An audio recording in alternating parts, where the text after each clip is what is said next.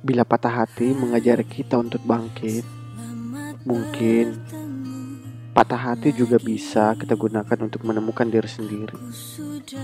Pun, bila patah hati membuatmu sedih, semoga tidak membuatmu terpuruk. Seseorang pernah menangis histeris usai patah hati. Jiwanya seperti dicabik Hatinya seperti ditikam ribuan anak panah kekecewaan. Hari demi hari kelabu, waktu demi waktu berlalu, mengarak duka. Rasa sakit tak kunjung usai, air mata terus jatuh membasuh pipi.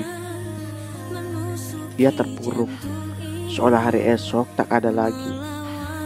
Ia menangis, seolah hari esok tak bisa lagi tertawa. Ia murung, Seolah hari esok tak ada harapan lagi.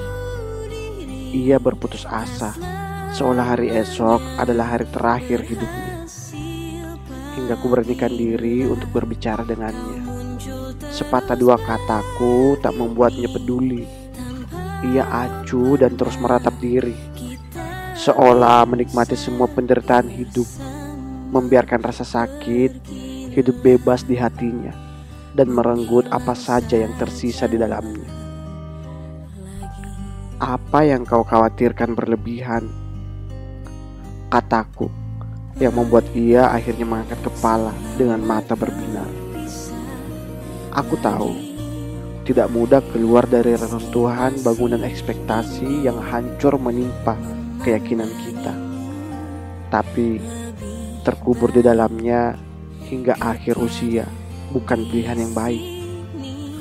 Untuk apa pun yang pergi, untuk apa pun yang hilang, untuk apa pun yang dicuri, untuk apa pun yang digagalkan, untuk apa pun yang dirampas, untuk apa pun yang diambil, tanpa kesiapan kita, tanpa persetujuan kita. Ikhlaskan bagaimanapun caranya. Bukankah seperti yang sudah-sudah? Pada akhirnya kita akan menyerahkan semua jawabannya pada waktu. Tidak mudah, memang. Lantas, apakah dengan tidak memberikan ikhlas di hatimu akan merubah keadaan? Kurasa tidak.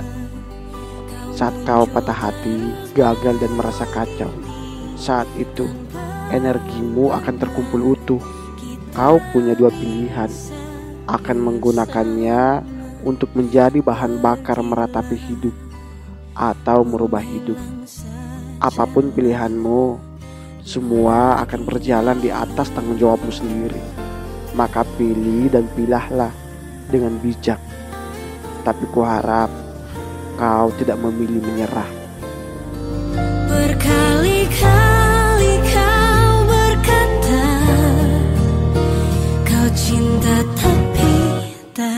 Be sad.